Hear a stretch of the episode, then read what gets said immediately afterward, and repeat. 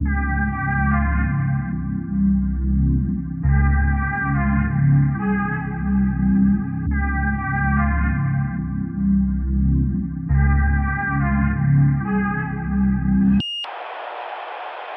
Hanif, det, det är någonting som vi måste prata om.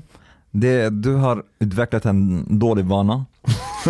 Berätta mer. Ja, när, när du pratar och vi vill svara, du vill inte att vi ska svara.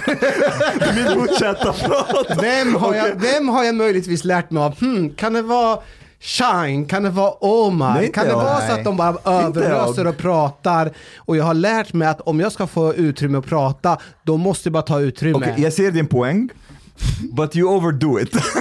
Ja, det gör du faktiskt. take it, take it down. Måste, måste vi börja med ett utvecklingssamtal? Vi har en Ja. gäst här tänker han jag. Ja, vara men eh, han, han måste lära känna oss också. Aha, det, det, det är så här vi... Ja, jag har bara sett Hanif i en tv-studio när han är seriös. Att det här, Det var, var det två, tre år sedan eller? jag tror det var tre år sedan. Ja. Jag tror det, ja. Var det SVT då eller? Ja, jag kommer inte ihåg vad det handlade om. Det var, Det var med Belinda var? Olsson om eh, straff och... Kollade du på tv eller var du i studion också? Nej, vi var i studion. Ja, du var i studion? Ja, Det var träff- en debatt Aha. eller? ja, vi Ja. träffades i... Var, Var det opinion- sminket eller var det i väntrummet? Ja, någonstans där. Sen började vi prata och sen, Ja. ja. Debatterar ni mot varandra? Lite grann. Aha. Eller, Vad du var väl om? egentligen i publik? I publik.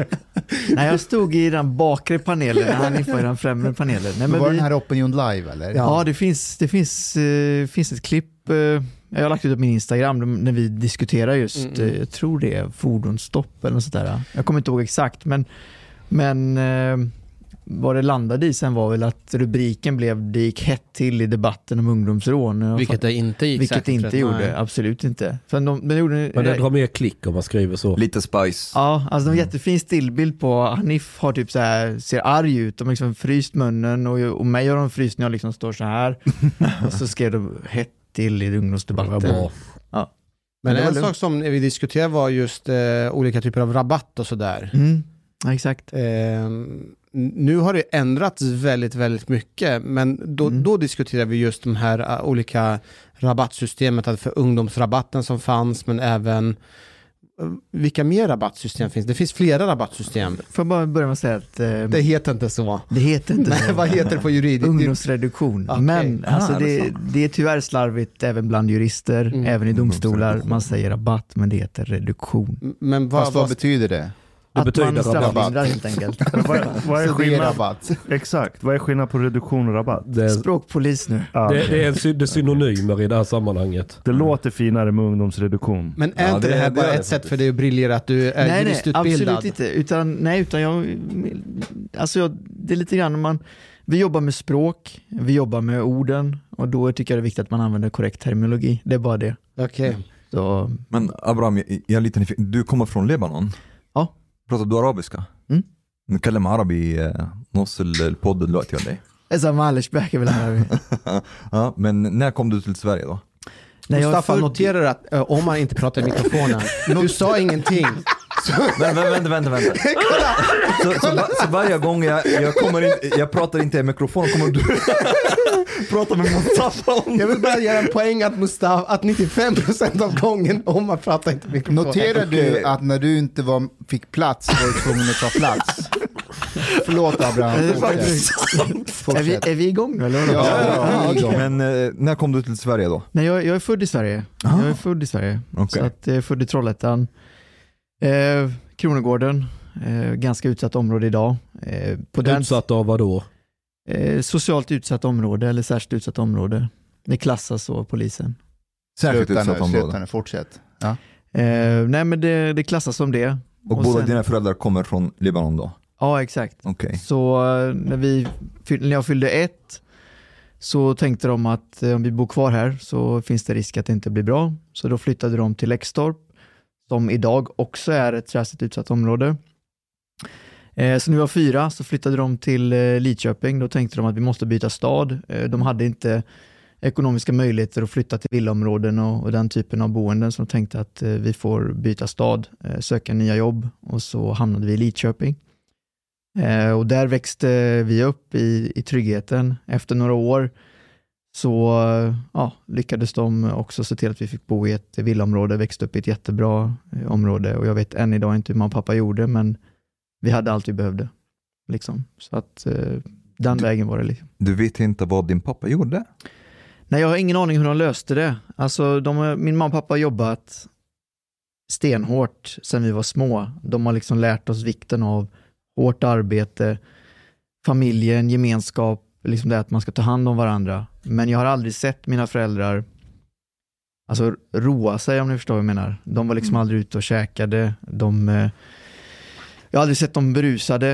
Eh, de var aldrig på semestrar utan varenda krona gick till att eh, liksom betala fakturor, se till att vi hade kläder, mat. Kom de Eh. under eh, inbördeskrig i, Ja, i Lebanon? exakt. Ja, Så då flydde de. Var ni många hemma? På, Det är många barn. ja, fyra syskon. Jag har en äldre brorsa eh, och sen har jag en eh, tvillingsyster och sen har jag en yngre bror eh, och så mamma och pappa. Då. Okej. Är, är, mamma eller pappa jurister eller någonting liknande? Nej, ingenting. Inget sånt, utan Okej. de är vanliga arbetare. Eh, Mamma är, eller mamma, mamma är sjuksköterska idag, eh, men då var helt vanliga Ja. arbetare. Liksom. Cool. Så att ja, det var lite bakgrund. Eh, ja, nej men sen så, som sagt, varje fredag, vi hade fredagsmys, kolla på småstjärnorna. Eh, lördagar, gick på torget med farfar, pappa, käka glass. Eh, prata om livet, farfar berätta historier. Torghandel, eh, typ den uppväxten, idrott. Varje träning jag hade, pappa var och kollade efter jobbet kom dit, somnade på fotbollsplanen, fick alltid väcka honom, det är dags att åka hem. Klassiskt, Mm. men de var där. Och så, det är det jag menar att jag inte förstår hur de gjorde, för de offrade egentligen sin ungdom kan man väl ändå säga i vuxen ålder, för man har väl en ungdom även när man är vuxen, tycker jag. Eh, och det var för våran skull. Och det gick bra för alla syskon.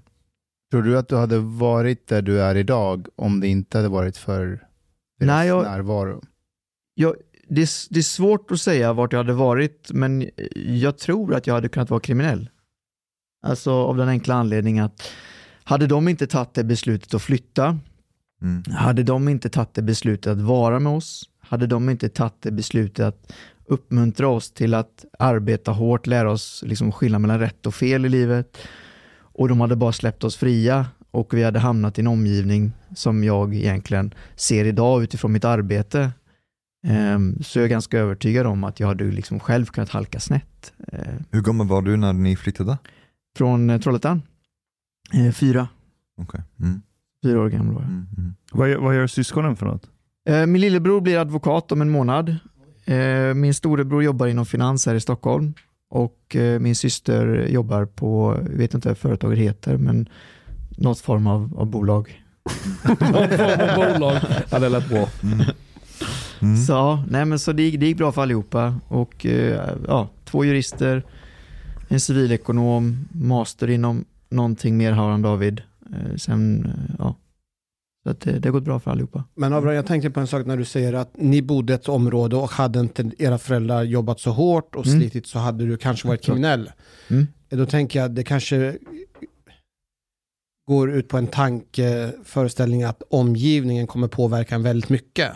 Mm. Och då tänker jag väldigt mycket på din, eh, din uppväxt, Chang.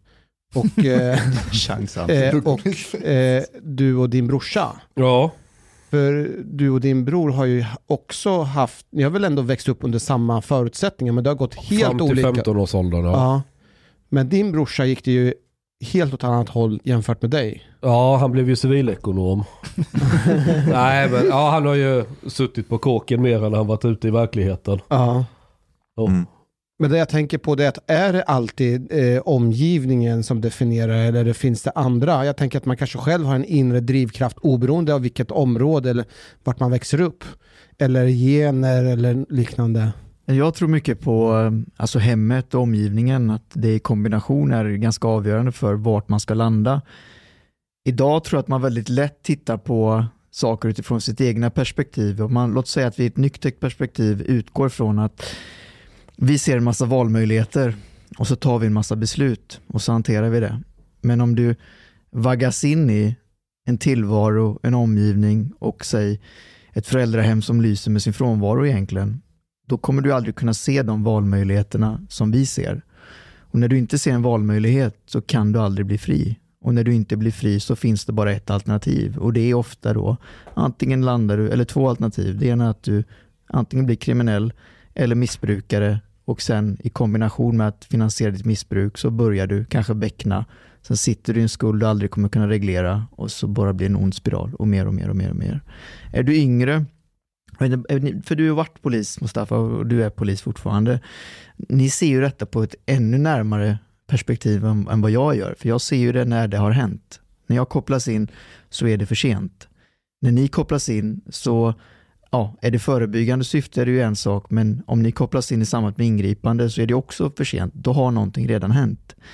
Ehm, och tricket är väl lite grann att man måste fundera på varför har det hänt och hur får man det att inte hända? Och där är det ju lite grann, enligt mitt perspektiv i alla fall, utifrån hur jag ser på det, att det alltid handlar om att du ser inte valmöjlighet. Och då är det unga killar ofta som kliver utanför, utanför sin sval, jag vet inte om man kallar det i Stockholm, men med porten. Ehm, och då möts du av kompisarna. Och du är i det utanförskapet och that's it.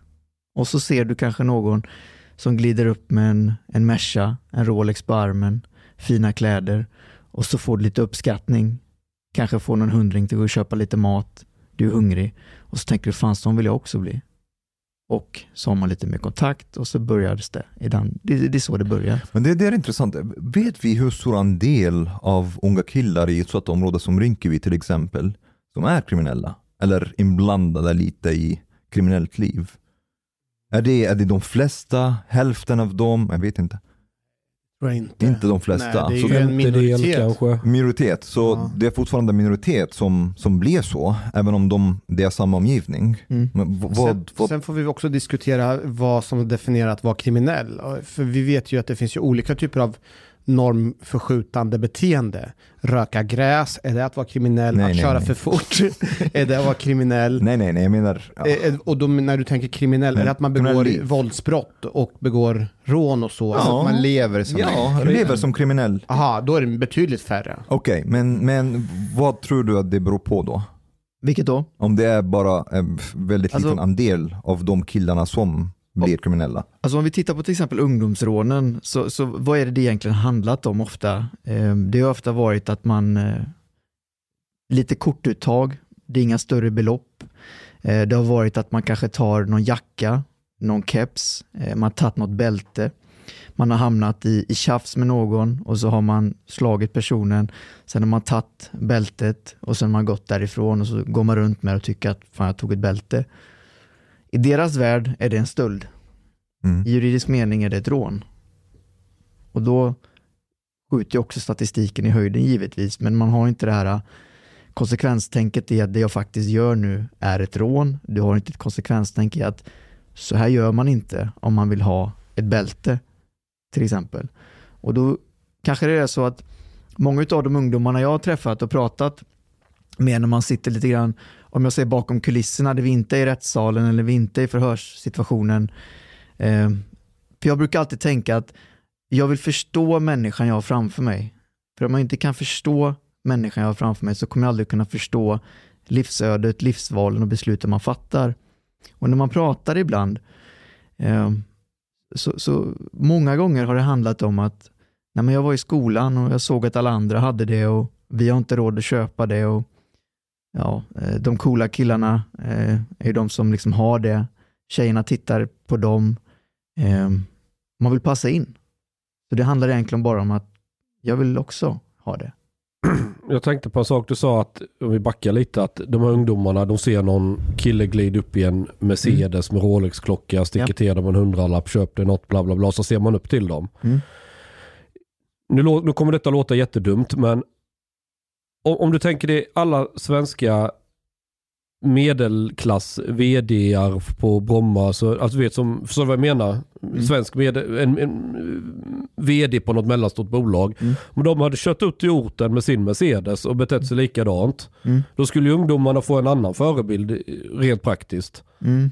Förstår, förstår du min tanke? Jag förstår tanken men eh, inte, inte riktigt så jag menade. Utan alltså, din, har du varit i, i, säg, jag vet inte hur det ser ut i Rinkeby torg, men säg att du åker till eh, Hjällbo, säger vi, du åker till torget där.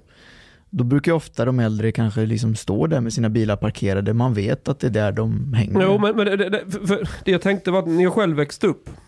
En anledning till att jag inte gick som min lillebrorsa, det är klart man ville tjäna pengar. Och det var likadant när jag gick i skolan. Alla andra hade ju finare kläder och det fick jag ju höra till förbannelse och allt, hela det där köret. Men min, min farsa är ju så här av tattarsläkt eller vad man ska säga. Så en släkting i den. Och de är oftast ganska förmögna. De flesta de gör affärer handlar med bilar, maskiner, allt möjligt. Mm. Och några av dem, det var ju de som visade mig hur man tjänar pengar. Mm. Och det var ju också, det var ju massan och stora guldkedjor och allting. Men de var ju liksom inte kriminella. De skattefuskar kanske och lite sånt där. Men Så, inte, så det var de som lärde dig näthat? Eh, nej, det var det inte. Det, det lärde jag mig själv. Men den typen av förebilder lärde jag liksom att göra affärer, att faktiskt jobba. Alltså de, de kunde ju jobba fysiskt så in i helvete. Alltså riktigt, riktigt hårt. Liksom, men de tjänade ju pengar med. Mm. Men när man då fick bli inbjuden där och vara en i gänget och hela den biten. Så, det Men då är tänk, det din förebild. eh, ja, det blir ju är det. Då blir det din förebild. Ja, ja visst. Jo, men, men det var ju likadant en polares farsa. Han var ju banktjänsteman. Jag honom lärde, eller chef på lokalkontoret på banken. Honom lärde man sig jättemycket av. Liksom, man räknar på olika räntor, låna ut, bedöma risk med folk hela tiden. Vem gör man affärer med och inte? Bla, bla, bla, bla. Mm. Och jag tror de här, många av de här ungdomarna, det är bara att de är i en miljö där förebilden är att du säljer knark, det är så du gör pengar. Mm. Att ser du ingenting annat, då är det bara den vägen du kan gå. Mm. Men skulle de helt plötsligt hamna i en annan miljö och så träffa någon med Mercedes och Rolex-klocka men Det som har det. tjänat det på ett annat sätt. Ja. Då, då skulle det vara minst lika intressant. Så är det ju, för problemet är att när socialtjänsten kopplas in eller man ska så att säga göra någonting åt det så är ju lösningen idag och har varit under ganska många år nu att du tar dem från den miljön, sätter in dem i ett SIS-hem där miljön är vadå? Ni sitter bara och pratar om skit. Det pratas liksom inte om friluftsliv, ni pratar inte om litteratur, ni pratar inte om saker som skulle kunna utveckla dig till något positivt. En förändringsprocess inleds liksom aldrig. Utan vad du gör är att du tar egentligen bara den torg, eller det torget, den gården, sätter in samma människor från olika stadsdelar, olika städer i en miljö och diskuterar vad då? Vem känner du? Jaha, hur hamnar du här? Vad har du gjort? Varför gjorde du inte si? Tänk på detta. När vi kommer ut gör vi det ena och det andra och så vidare och så vidare. Mm. Och sen så kommer du ut därifrån och så är du tillbaka igen. Så då har du egentligen bara fortsatt din högskoleutbildning i kriminalitet Mm. fast på ett SIS-hem. Och jag kallar det så därför att det är precis vad det är. Jo. Så då kommer du liksom aldrig framåt. Och det du sa med förebilder, det är ju exakt det det behövs. Det behövs förebilder. När jag var liten så var ju mina förebilder, det var ju fotbollsspelarna i A-laget och då var det liksom människor som spelade division 2. Alltså, Ja. för mig var det jättehäftigt att A-lagsspelarna kom ner till våra träningar ibland och, och liksom körde lite passningsövningar med oss. Eller att vi hade någon lärare som vi tyckte var väldigt eh, skön, som var väldigt engagerad i, i, i att vara med oss. Men det, det är två Typ olika sånt. saker ni pratar om. Det finns en skillnad mellan förebilder och att man ofta jämför sig själv med sina peers Mm. och, och vänner. Så det är, det är inte samma sak. Så det är om många av, av dina peers, hur säger man peers på svenska? Jämlika. Ja, Mm. är kriminella och är, har Rolex och bilar och sånt, då är jag okej. Jag borde vara så. Men om du tittar på Zlatan, ja du vill vara som Zlatan, men, det, men, det, men du tycker inte, ja men varför är jag inte Zlatan nu? Mm. Förstår du? Men det är skillnad på, alltså Abraham berättade att hans förebilder, han såg ju dem varje dag. De var i närheten, de spelade fotboll. Mm. Du tänkte jag kanske kan bli, att bli som Zlatan, även den eh, liksom, vem som Eller helst. fotbollsspelare, men, men om dina bästa vänner är kriminella, Mm. det är, du jämför dig själv med, Men- med dem då? Jag förstår, men ta till exempel Chang, han sa ju att de här människorna du träffade, Ja. de, de fanns ju där. Och de Ja, ja, det fanns in kriminella dig. också. Jag kunde välja vilket Ja. sammanhang jag ville vara i. Men du visste någonstans intuitivt att om du hållit på med andra dumheter så hade du tappat respekten hos de här andra människorna. Ja, ja. Eller hur? ja. Och en sak till eh, som jag tycker ofta glöms bort, det är ju värderingar. För någonstans, Mm. jag tänker när du pratar om att jag ville bara ha ett bälte, jag gick och tog det. Alltså när man pratar med de här innerst inne så fattar de att man gör fel. För någonstans så finns det inneboende en värdering. Man, man har ju koll på sina värderingar om vad som är rätt och fel. Men de frånskjuter det ansvaret helt och hållet. Fast, kolla, jag, jag håller med dig om det med värderingar, men jag, jag ska bara vara väldigt tydlig med att, att, att det är fina killar. De är vilsna. De behöver vägledning, de behöver lära sig. Eh, just det här med att skjuta ifrån sig ansvar och så vidare. Alltså, om ingen kan identifiera individen och så att säga jobba med människan, vilket oftast är i första hand familjen.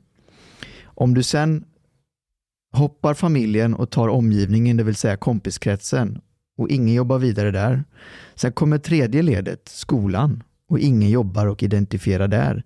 Då har du liksom de tre led där det skulle kunna ske något positivt, där inget positivt sker. Och det är klart att man då kanske har en inre tanke om att det jag gör är fel, men om jag inte ser ett annat alternativ eller funderar på att kanske borde avstå, ingen lär mig kanske hantera impulskontroll. Men. Abraham, menar du att de som begår våldsbrott är fina killar?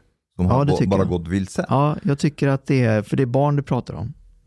Alla människor gör fel, man måste bara försöka förstå. Jag har suttit med människor som kanske inte vill förstå, människor som förstår men skiter i det. Men jag tror på människor. Alltså människan, det är vi som skapar en fantastisk tillvaro eller en hemsk tillvaro. Om jag hade haft ett syskon eller ett barn som hade gjort fel och den kom till mig så hade inte jag jag tror inte någon av oss hade gjort det, att vi hade stängt dörren och sagt gå och sätt dig ute i kylan där det regnar, gå härifrån. För vad gör du då när du gjort fel? Ja, då går du tillbaka till dem du gjort fel med från första början, för du är inte välkommen någon annanstans. Så om du vänder ryggen till så kommer du, kan du räkna med att det kommer ske en gång till. Men om du sätter dig ner och försöker förstå och du markerar tydligt och du guidar rätt, då kan du ha en chans till att förändra. Så vi hade aldrig slängt ut våra barn och sagt försvinn härifrån, du har gjort detta. Men varför ska vi göra det med samhällets olycksbarn? Utan man måste hela tiden våga fundera över vad hade jag själv gjort? Det, det är en grej jag inte köper här. Ehm, om, man tar, om, om vi tar Rinkeby som exempel. Då. Mm. Det bor ungefär 16 000 personer där. Mm. Eh, det är en utstickande grupp, är ja, men, runt 20-årsåldern, det är lite överskott på den åldersgruppen. Um, återigen, om det är omgivning Mm. som är en orsakande faktor här, varför är det fortfarande en pytteliten procent som hamnar snett? Mm. Och, och, och jag tror det är viktigt att vi skiljer på kriminella som skäl Mm. för att de har brist på materiella resurser. Det är en sak. Sen har du kriminella som begår våldsbrott. Jag tror det blir värdefullt om vi skiljer på de två grupperna. För jag tror det är olika mekanismer som driver dig till respektive brottskategori. Mm. Men fortfarande, va- varför är det en minoritet som hamnar snett i våldsbrottsbanan? Om det, för, för den här omgivningen finns ju för alla de här 16 000 personerna som bor där. Mm. Så den verkar ju inte vara så stark i och med att det är en pytteliten procent. Och, och det som du säger att ja, men mina föräldrar, de jobbade hårt, de tog oss bort från eh, Mm. Trollhättan till Lidköping. Ehm, men att de gjorde det säger ju någonting om hur deras hjärna funkar. Mm. Och hur deras hjärna funkar har att göra med hur de är genetiskt kodade. Mm. Så jag tror att även om, eh, ursäkta för det här brutala scenariot, men om dina föräldrar säg hade gått bort när ni var unga, Mm. så tror jag fortfarande inte att ni fyra hade hamnat snett. För att ert biologiska maskineri funkar och tar in verkligheten på ett helt annat sätt. Till Nej. exempel, du ger inga signaler av att du är en person som har problem med impuls.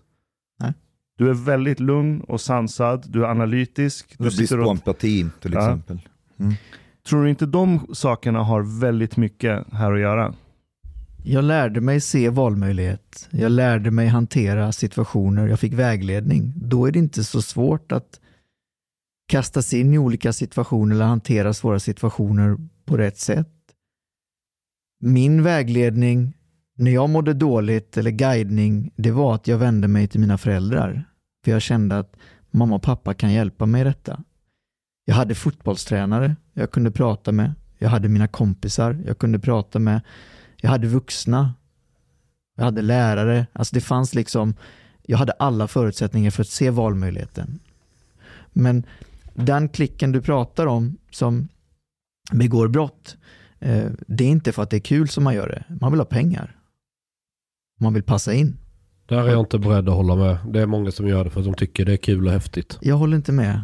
Det, hade, du, hade du tyckt att det var kul och häftigt så hade du gjort Hur ska du förklara förnedringsrån?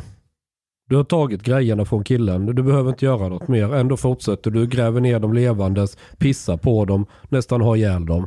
Jag, jag har också försökt förstå det där. Eh, det, det, jag, jag kan inte svara på det. det, det Men de är- tycker det är kul. och Det, det är det som är grejen. Och det är jättejobbigt att erkänna men så är det. jag, Vissa jag, människor är sadister.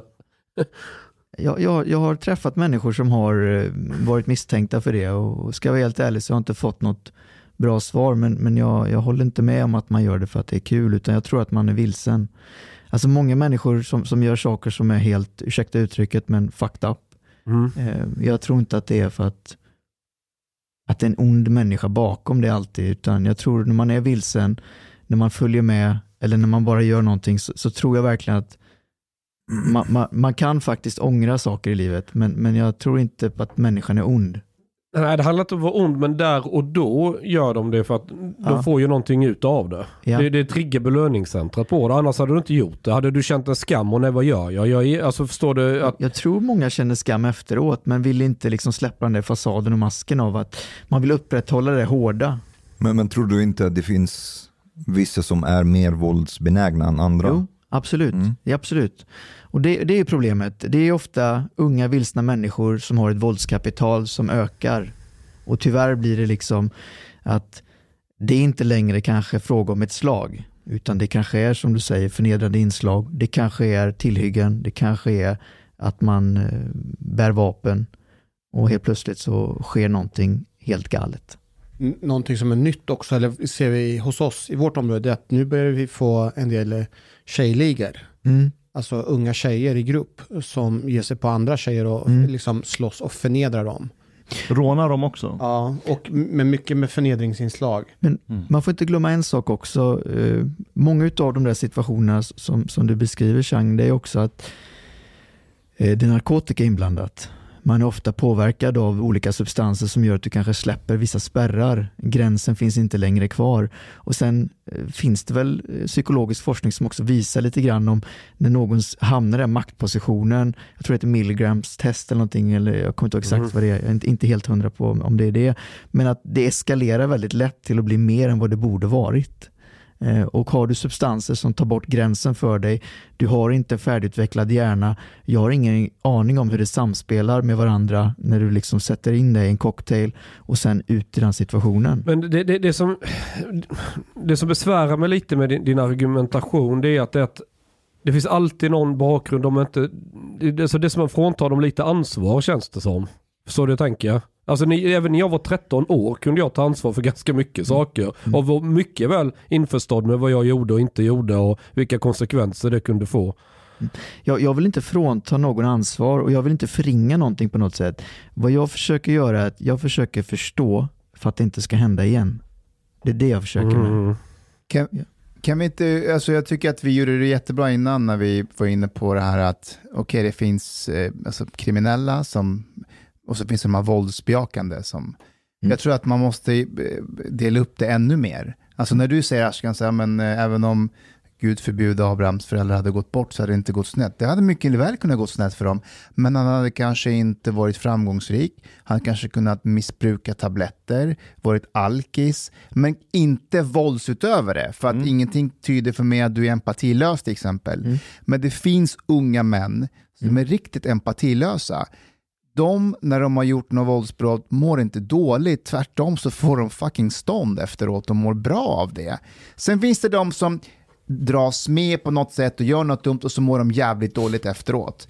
Så man måste skilja det liksom ännu mer. Mm. Och då är frågan, jag tror inte man kommer åt de här riktigt empatilösa människorna. Då finns det ingen bakgrundshistoria som att om vi bara pratar med dem så kommer det lösa sig. Nej, jag menar inte att man bara ska prata, utan Jag menar att någon hade fångat upp dem tidigt. Jag tror att är man så empatilös, då... men om du inte har lärt dig empati, Jag, jag, har, jag har jobbat med en kille i, i vårt jag område. tror man kan lära sig det. jag hade en kille i vårt område och han, alltså han, han har världens bästa föräldrar. Eh, föräldrarna engagerar sig hela tiden. Men de kunde tidigt se att det var någonting som inte stod rätt till med Mm. honom. Mm.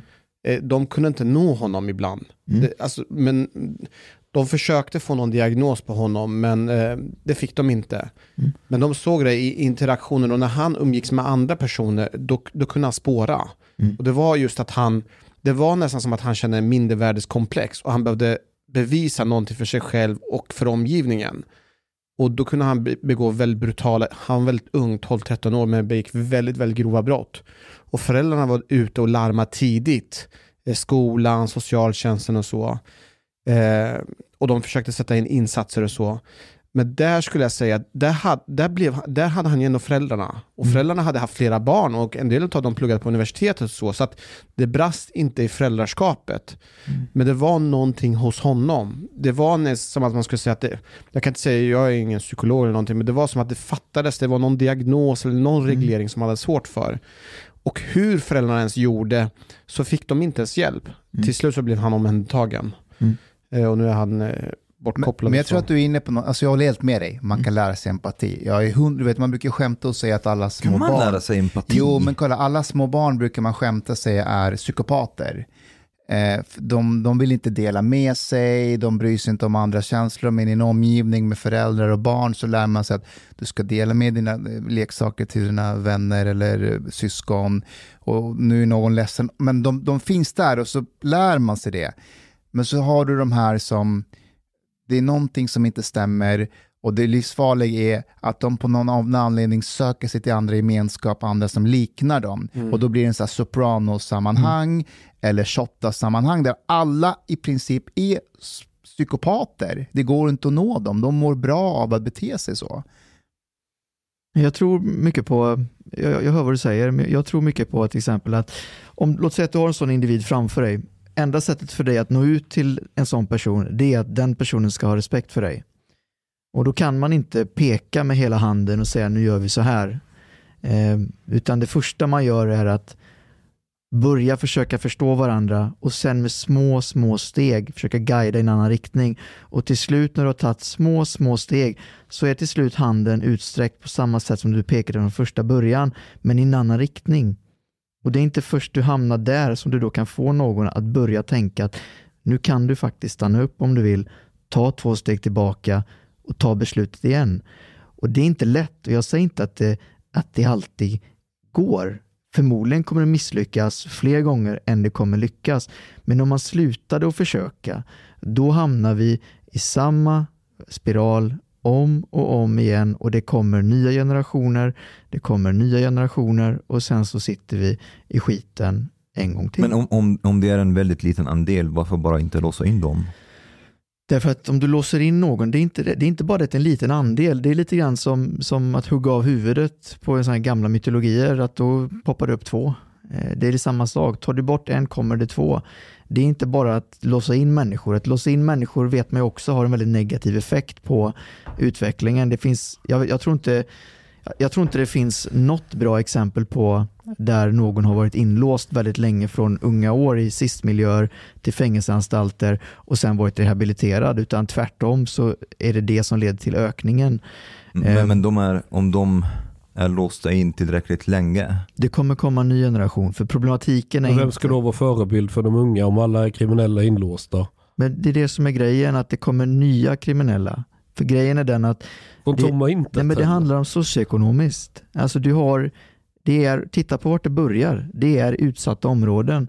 Därför att det blir en valmöjlighet för att tjäna pengar. Men vänta lite nu, socioekonomi. Några av, av de människorna jag känner som är absolut mest framgångsrika, Mm. alltså vi snackar täta på en nivå som du inte kan föreställa dig. Mm.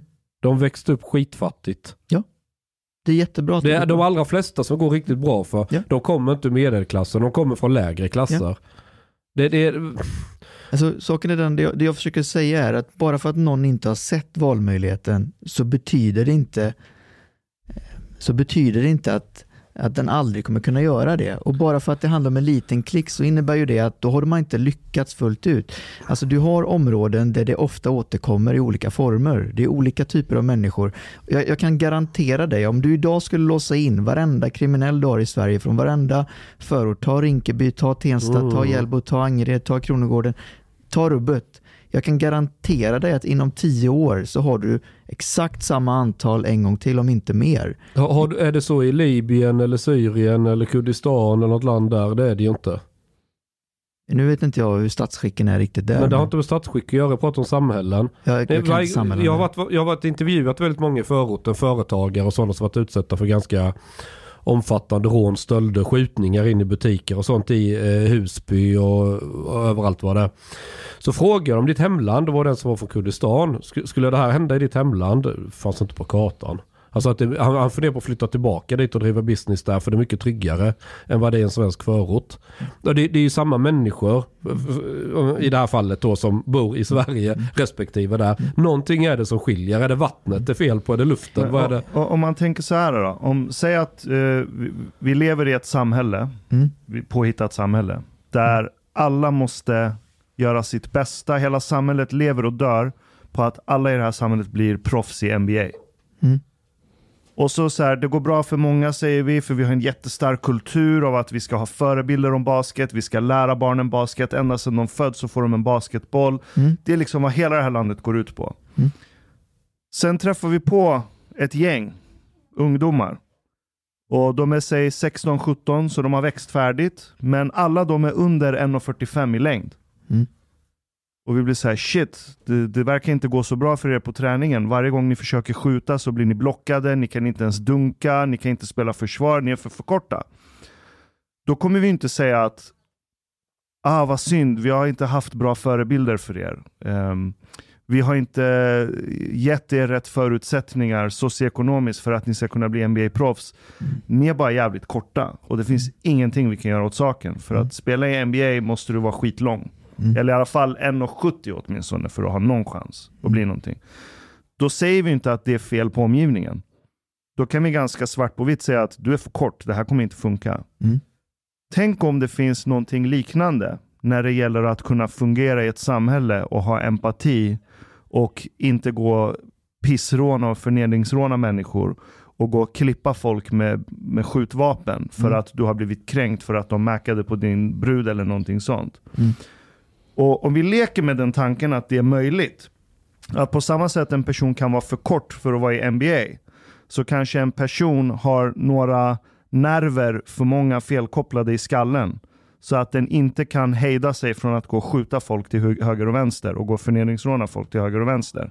Mm. Om vi leker med tanken att det skulle kunna vara möjligt.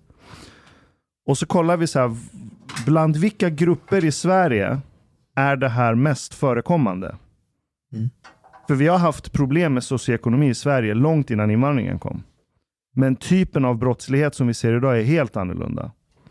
Eh, och så borde vi också ställa oss frågan, varför ser vi inte samma sorts brottslighet bland europeiska människor som bor i Sverige? Som också har samma socioekonomiska problem. Mm.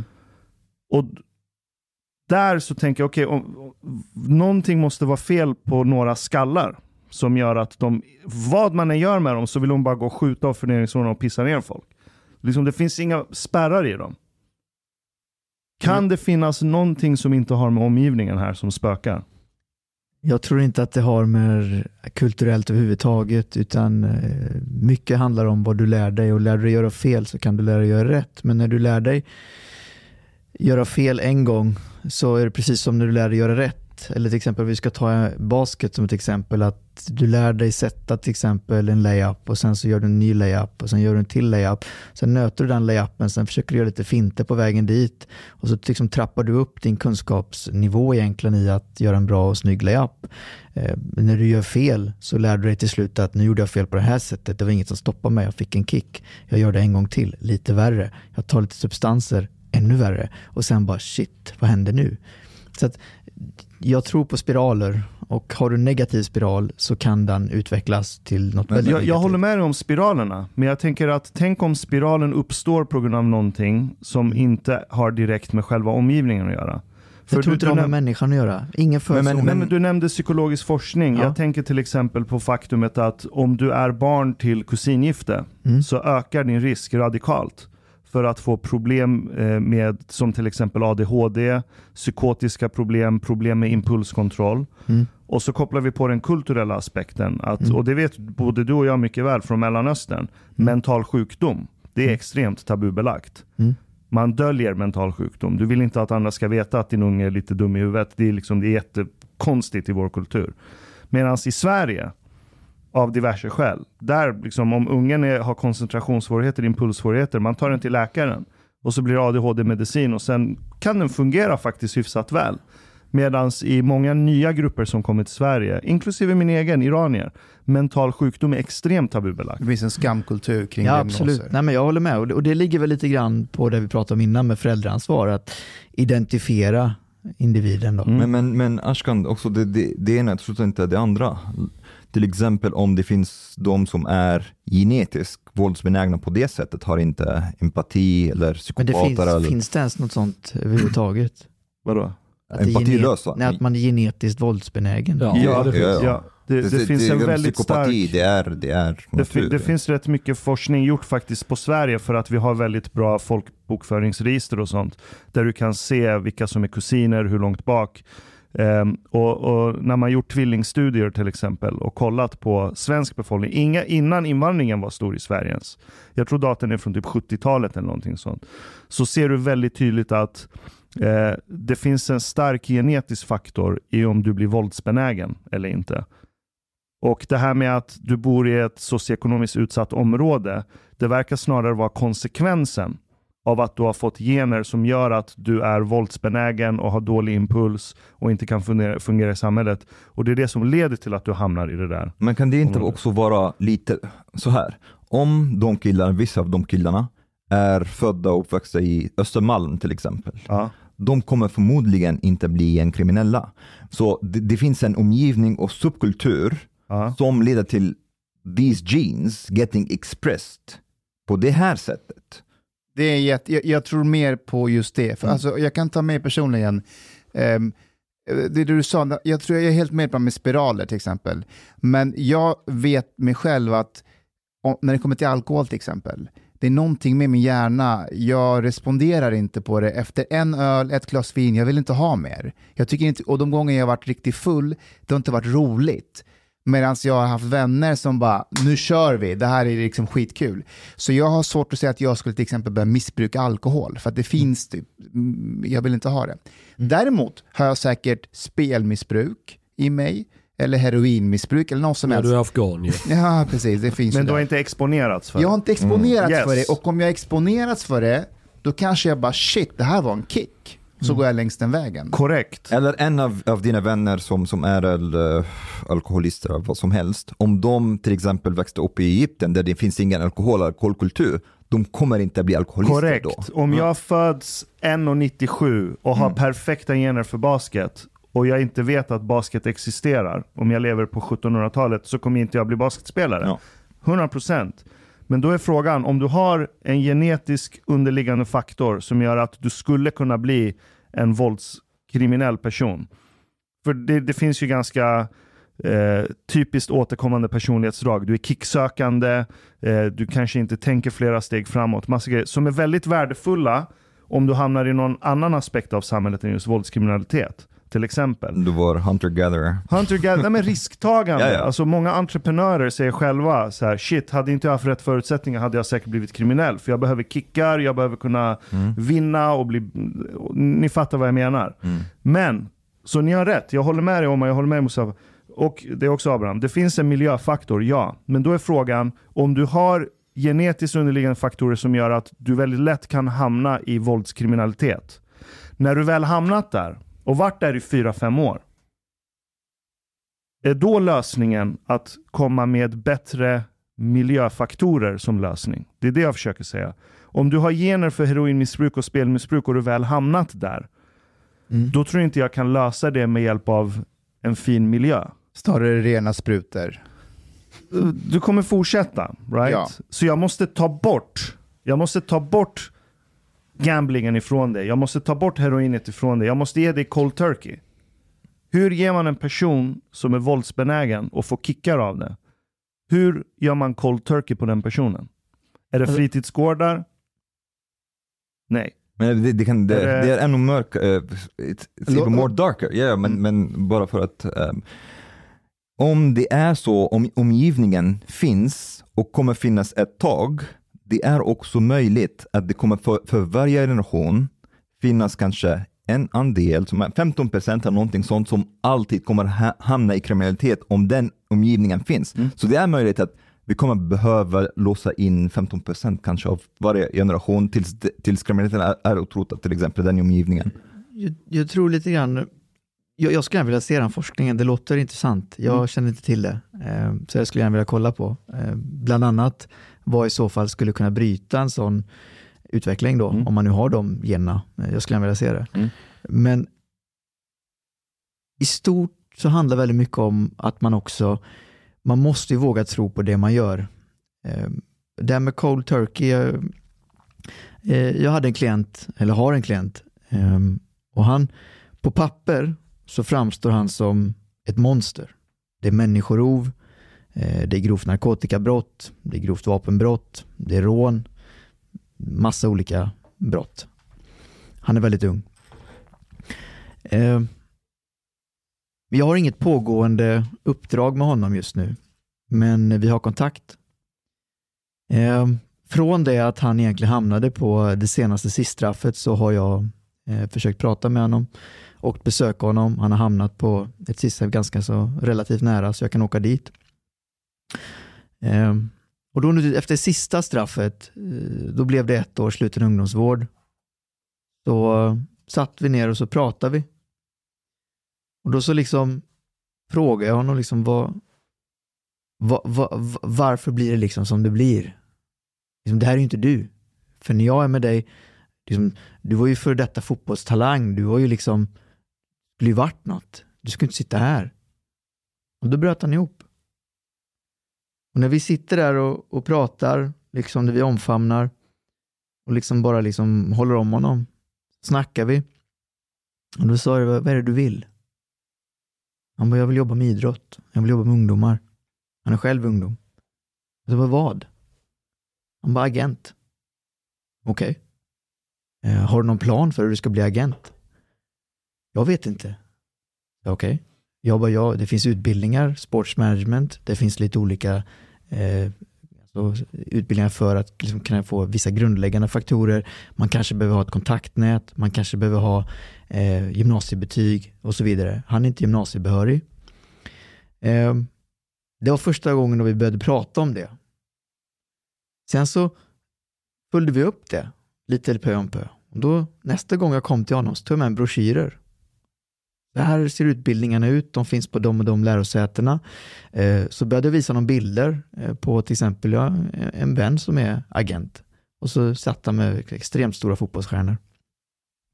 Och så sa jag så här, om du lovar mig, om du lovar mig att du verkligen eh, ser till och sköter skolan och läser upp dina betyg och fixar en högskoleutbildning och klarar agentprovet så lovar jag dig att jag kommer göra allt jag kan för att du ska få träffa rätt personer för att kunna komma in. Och det var första gången tror jag att någon trodde på honom. Och verkligen, för jag sa det, jag håller mina löften. Säger jag någonting så lovar jag att hålla min del, men då ska du fan med hålla din del. Och då kom vi överens. Så vad har han gjort nu? Han kämpar så in i helvete med skolan. Han kämpar så in i helvete med att komma in på den här utbildningen för att han vill verkligen eh, bli detta. Sen när vi hade det sista eh, så skrev något yttrande. Eh, då, då har de till och med skrivit att då X har uppgett att han drömmer om en karriär inom så så så. Det är första gången under alla åren de har i liksom, framtidsplanen att han har ett mål. För nu tror han på att han klarar av det och han tror att jag kommer försöka hjälpa honom. Så han känner sig inte utanför längre. Utan han tror att det finns fan med en realistisk chans att jag kan bli agent. Hur, hur gammal är den här killen? Det vill jag inte säga, det blir lite för mycket. Man är förstår. All right. Men eh, så här. Det, det här låter jättefint, det du berättar. Och, och jag tror att majoriteten av de här kidsen eh, som begår de här typer av brott. Nu nämnde du eh, människorov, rån. Ehm, om vi bortser från den här lilla, lilla fraktionen som du vet bara mördar folk. Så fort de kommer ut går de och mördar igen. Du har ett lager under dem som gör väldigt kicksökande grejer, människorov, hela den här bunten. Ehm, jag tror inte lösningen är att man tar alla de här människorna, kastar in dem i ett fängelse och låser in dem tills de blir vad, 30 när testosteronet börjat lugna ner sig och frontalloben är klar. Jag tycker det är inhumant att gå in på de banorna och hålla på med sådana drastiska varianter. Men jag står fortfarande fast vid att du behöver en sorts cold turkey för de här människorna. De här Vad människorna är cold turkey? Alltså att du klipp, om du är heroinist och går cold turkey, då får du inte röra heroin. Det är liksom klart, du får inte röra någonting. Du måste bara bryta vanan på en gång. Men vad ska vi göra med dem då? Det är det, om man kan skapa en miljö där de hålls isolerade bort från den, den vanliga miljön. Alltså ett fängelse. Frä, frä, främlingslegion. In, inte ett traditionellt fängelse. Men äh, chansförslag. Sibirien. Nej, nej, nej, nej. Vi har fan slitit i 500 år för att bygga upp en liberal demokrati. Jag vill inte skicka Men någon till inte- Sibirien. Nej, men Sanitski nu, blir backfire. Sanitski, Sanitski um, inte fängelse, låsa in dem men inte fängelse. Eh, Ashkan. Nej, inte, inte en eh, Jerzy Sarnecki heller. Utan ett, kan vi, är vi överens om att det behövs en cold turkey här? då? De får inte ens ha möjligheten att kunna hamna i en sån här miljö. Det förutsätter... Det, alltså, Jag när- tänker öppet här nu. Jag har inga färdiga lösningar. En del eh, psykologer säger att man ska inte ha hög, alltså man måste ha lagom förväntningar. Psykologi är fake science. 50% av Men, men forskningen går inte ens jag, jag tror inte, Jag nej, jag, jag, jag, tror att, jag tycker att vi ska låsa in dem. Eh, Jag tycker att vi, vi fokuserar för mycket på de eh, kriminella, så, som förövaren. Och vi, vi behöver fokusera på samhället och på offren. Jag förstår det, men ett sånt förslag där vi säger nu tar vi alla, låser in dem. Nej, inte alla. Alla som är grovt kriminella. Ja, nu Ja. tar vi alla, vi låser in dem tills de blir 32, sen när vi kan mäta rätt testosteronnivåer så kan vi släppa ut dem. Sånt förslag kommer aldrig gå igenom i Sverige. Ashkan. Ingen kommer gå med på Pragmatically it would work. Hallå. det. Det vet vi inte. Vi vet inte vad det kan bli för Kan, backfire. kan, vi inte, kan vi inte göra du vet, som när man låg i lumpen fast de kan, du kan inte lämna. Alltså, det är fängelse i den meningen att du kan inte sticka därifrån. Men så får du ett befäl, du får meningsfulla uppgifter, du får lära dig bli bra på någonting. Köra stridsvagn, skjuta pansarskott eller vad det nu De gillar ju att skjuta de här killarna.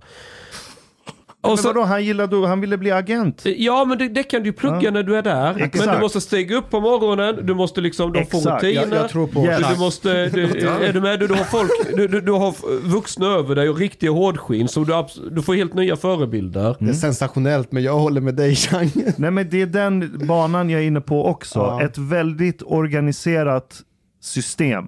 Och Där de är- internat, det låter som en internatskola. Det är en typ. internatskola med taggtråd för att de får inte Ett komma i fängelse. kontakt. Det låter som Mujahedin. Det Nej. är som folkets Det är ett sorts fängelse för att om de är en fara för samhället så tror jag inte deras liv blir bättre av att de får ett straff med ungdomsreduktion och så kommer de tillbaka efter tre månader och så har de direkt hamnat tillbaka i den miljö som gjorde att de blev som de blev. För förebilderna kommer inte tillbaka. Det tar väldigt lång tid att producera förebilder. Men skicka dem, skicka dem till militären då? Det är special unit. Men jag tänker så här, kan Unga det, kriminella. Nej. kan, det, kan det vara så att om de, hade, om de hade bott i ett annat samhälle där det var mer auktoritär, då hade man i tidigt skede i alla moment i skolan, förskolan, allting varit mycket tydligare, gränssättande, men Kanske är det det svenska, den svenska modellen med att eh, du kan om du bara försöker och den här fria viljan och gör att många av de här som har låg impulskontroll inte lyckas. Men om de hade bott i Egypten eller Irak eller någonting där det var mycket mer totalitärt, det hade varit skitbra förutsättningar. Ja, grejen är, alltså Sverige har varit väldigt auktoritärt egentligen. Den här idén om att Sverige har varit att alla kan få utforska sig och det är fritt och du gör De vad du... senaste decennierna bara. Det, det är väldigt nytt. Mm. Annars har det varit extremt auktoritärt. Bara så här skolplikt och du ska till tandläkaren. Det finns hur många kontrollstationer som helst. Från att du föds så ska staten dokumentera varenda grej du stoppar in i din käft. Det har varit extremt auktoritärt i Sverige. Sen har vi tagit det för givet och trott att alla har bara fritt fått utforska sig själva. Det är bullshit. Det har varit extremt auktoritärt här. Jag heter Abraham Seito och jag läser juristprogrammet vid Örebro universitet. Under 2018 så tog jag min advokatexamen och blev samtidigt Sveriges yngsta försvarsadvokat. Man kan säga att jag hade två drömmar när jag var liten. Det ena var att bli advokat och det andra var att bli fotbollsproffs. Jag var ganska lovande inom fotbollen. Men på gymnasiet så var jag tvungen att välja och det var under den här tiden som tv-serien Advokaterna gick på TV4. I serien så fick man följa några av Sveriges stjärnadvokater. Och framförallt så fastnade jag för advokaten Björn Hurtig. Jag kände direkt, sån advokat ska jag bli. Jag skulle jobba för honom och han skulle bli min mentor. Något annat fanns inte för mig. Några år senare så träffade jag honom på Örebro universitet i samband med en paneldebatt. Efteråt så gick jag fram till honom och sa, vi ses på kontoret 2015. Och han svarade, give me a call. Efter det så hade vi fortsatt kontakt.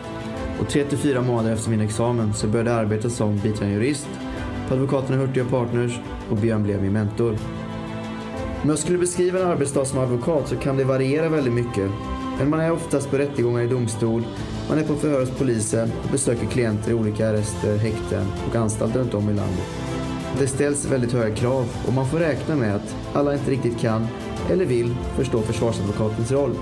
Men det lär man sig också hantera. Men för mig har det alltid varit en självklarhet att man ska stå upp för andra och särskilt för de som behöver det mest. Abraham, varför blev du advokat? Nej, jag, jag, blev advokat för att jag, jag tror på att saker ska bli rätt. Alltså jag såg mycket i skolan som inte jag gillade. Jag tyckte inte skolan gjorde tillräckligt mycket mobbing. Det var egentligen där det började. Eh, Min lösning på det när jag var liten, det var att jag liksom använde våld. Det, det gjorde jag när jag gick i skolan. Funkade det? Eh, ja, det funkade. Alltså, Så. jag fick mycket tillsägelser och, och så, men, men eh, sen insåg jag att eh, det, det löste aldrig problemet, utan det funkade temporärt. Sen skedde det igen och så vidare och sen så hamnade jag hos, hos lärarna, rektorn, fick onödiga samtal och då började jag fundera på hur kan man hitta ett nytt sätt att och liksom lösa det. Det har jag aldrig sagt i en, i en intervju någonsin eller i någon artikel jag har skrivit eller något sånt där. Så det är första gången jag berättar det. Men Men Var, var det du som blev utsatt för mobbning? nej, nej, nej. Okej. nej, nej. Utan det, det, det Du som... var, du var förövaren.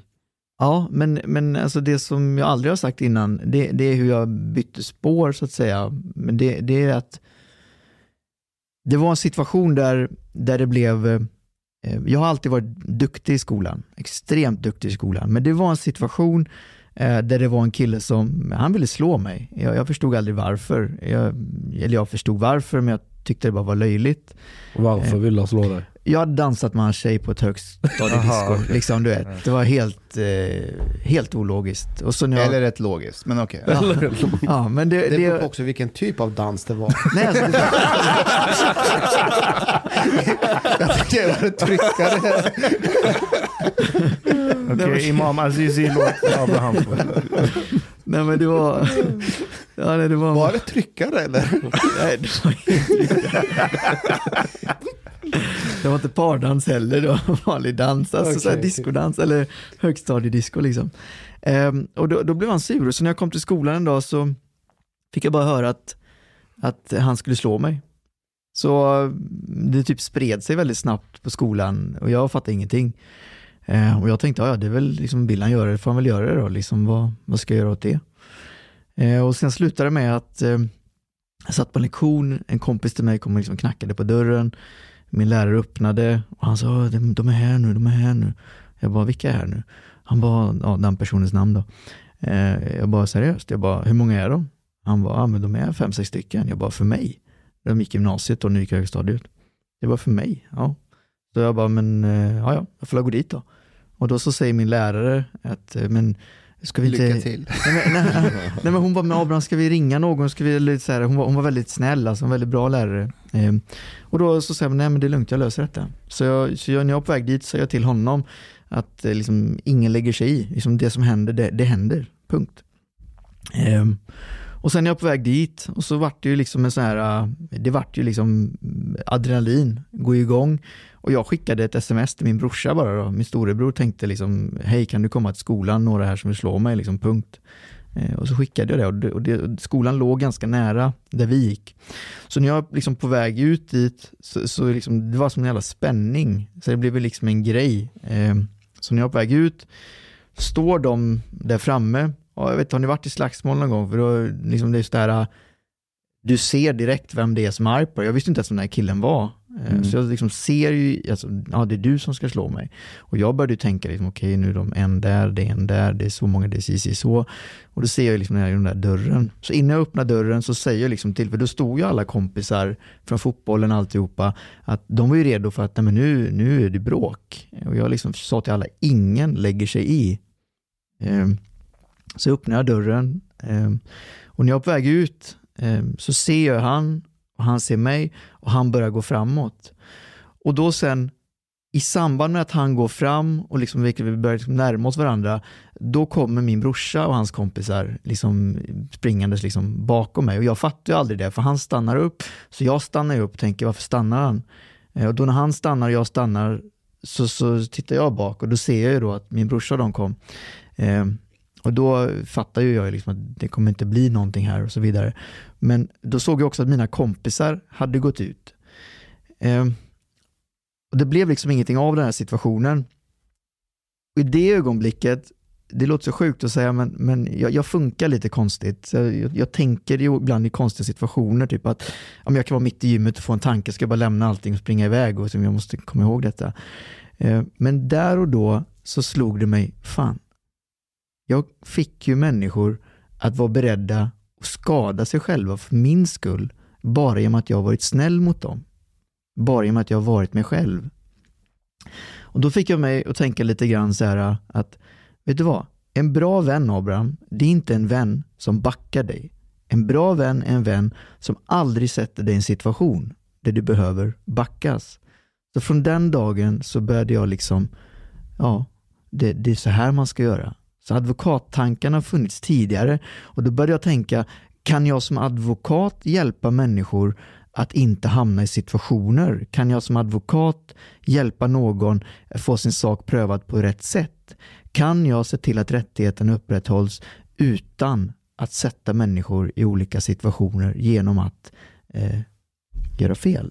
Men det Skulle du viktiga inte ha här, blivit socionom istället? Nej, utan, utan staten mot den enskilde. Och, och jag, mina föräldrar kommer från en kultur där, där staten har väldigt mycket makt. Eh, Från en kultur där, där man inte litar på staten. Det, Som i Sverige då. Ja, alltså, nej men jag, jag ska säga, jag, jag är väldigt kritisk till, till staten även här. Eh, Så är det. Jaha, på vilket sätt? Jag litar inte på staten.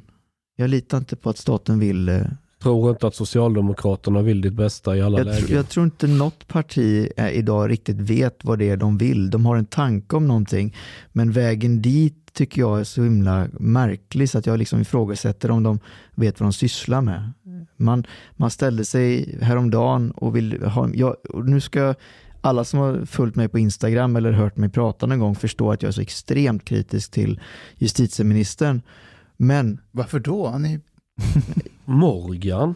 Alla Men- tycker om Morgan. Men att, att säga att det är hans fel och försöka få till en missförtroendeförklaring, eh, det köper inte jag för att han för bara den politiken som i princip alla ni andra också vill.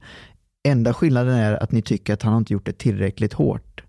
Eh, Han har ju ljugit och följt, prickats i KU och slirat med sanningen. Ja, bland annat. Men han gör ju det ni andra vill. Och att då säga ja det är hans fel och så vidare, det, det, är så Vad är det vi andra vill menar du? Alltså höjda straff? Alltså de och- andra partierna. Jo, De vet, andra partierna vill ha ett hårdare tag. Det är ju liksom Okej. parollen i svensk kriminalpolitik idag. Eh, Du ställde en eller hypotetisk fråga, vad skulle hända om man gjorde så? Ja, den utveckling vi har haft idag har ju varit att hårdare, hårdare, hårdare, hårdare, hårdare. Och resultatet har varit ökning, ökning, ökning, ökning. Ingen har någonsin, verkar det som, stannat upp och bara funderat, okej, varför Fast det är fel ordning där. Det har varit ökning, ökning, ökning och sen 15 år senare har man börjat öka straffen. Så kausaliteten skulle inte jag... Nej, alltså det har aldrig ökat så mycket som det gör idag, för det har skett i takt med alla skärpningar. Om man tittar på det som det har sett ut nu, så kan man se att han inte är problemet. Det går liksom inte att säga att hans lösningar är, är, är, är liksom problem, utan hans lösningar är det ni alla förespråkar. Och det visar att ni är på väg åt fel håll.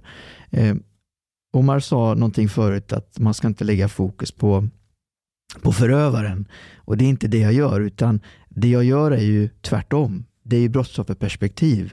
att det inte får hända igen. Det är det jag tänker. Så för mig är ett brottsofferperspektiv att det inte får hända igen. Och folk tror felaktigt att ibland när jag säger saker, ja men det gör du bara i din egenskap som, som advokat för att du är försvarare. Men vänta lite här nu, jag är inte bara försvarsadvokat. Och det finns en anledning kanske till att extremt många brottsofferjourer eh, pratar med mig att de ber mig om råd, att jag är med och hjälper dem i deras utbildningar, att jag utbildar deras vittnesstödjare, deras brottsofferstödjare, för att jag tror lika mycket på det. Men är det inte säkraste vägen att det inte händer igen, att de sitter inne?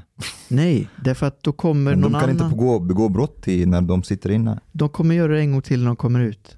Om de Och sen kommer någon annan ut. göra så- den tiden de är inne. Ja, men de, de kommer göra det oftare om de kommer ut om två månader än om de kommer ut om år. 15 år. Jag, ja, jag, jag tror att det kommer bli värre om du, om du kommer ut efter säg två månader och risken att du begår ett nytt brott, så att han finns kvar, den är överhängande, absolut. Men om du i 15 år isoleras från samhället och kommer ut igen, så tror jag att det du då gör, om när du kommer ut efter 15 år istället för efter två månader, kommer vara betydligt värre. Du har inte så mycket mojo kvar när du är 40 alltså. Alltså vilket gäng ska du ta över Ja. när du kommer ut? Vilka kontakter har du kvar i den världen? Har du den orken att se dig över ryggen igen? Om du inte är en riktig psykopat så att säga. Mm. Och får jag bara... Men vänta, om- låt honom. ja. Mm. Nej, jag, det, det, som sagt, jag, jag har inte svaret på alla frågor, utan jag bara tänker utifrån erfarenhet, lite grann kring, kring hur det har sett ut. Hur gamla är de, de flesta gängkriminella? Det är unga killar. Mm, hur gamla? Ja, det är allt ifrån, eh, alltså vissa är ju redan, alltså nu, nu är man inte eh, straffmyndig, men, men Mm. 12, 11. Alltså det är lågt, lågt ner i åldrarna. Okej, men det är inte så många som är ja, 30 det går- någonting, 40 någonting. Nej. Nej, alltså det, det går ju upp i åldrarna också. Sen är ofta de eh, ledargestalterna, om man nu ska kalla det så, de kanske är uppåt en 25-30 skulle jag säga. Men vänta Abraham, jag, jag måste bara dubbelkolla att jag förstår det rätt här. T- Mm. Tror du att skärpningarna av straff är det som har lett till ökningarna i brott? Jag tror att en del av det. Kan Hur vi, stor del av det? Okej. Du har lyssnat så här långt. På sista måltid. En mycket fin radioprogram i Sverige. Du tycker det är mycket trevligt. Men, min vän, lyssna på mig nu. Du har inte betalat biljett på klubb sista måltid. De har dom grabbarna de behöver pengar. Flis. Lax. Stolar. Dyra bilar. Lyxhotel. Du vet. Då måste du betala om du ska lyssna mer. Du får många fler avsnitt också. Paket erbjudande, helt enkelt. Läs i beskrivning för avsnitt, där det finns information för att bli medlem på klubb Sista måltid. Det kostar som en mycket liten kaffe latte ute på torget. Per månad. Lätt som en plätt. Tak, min vän.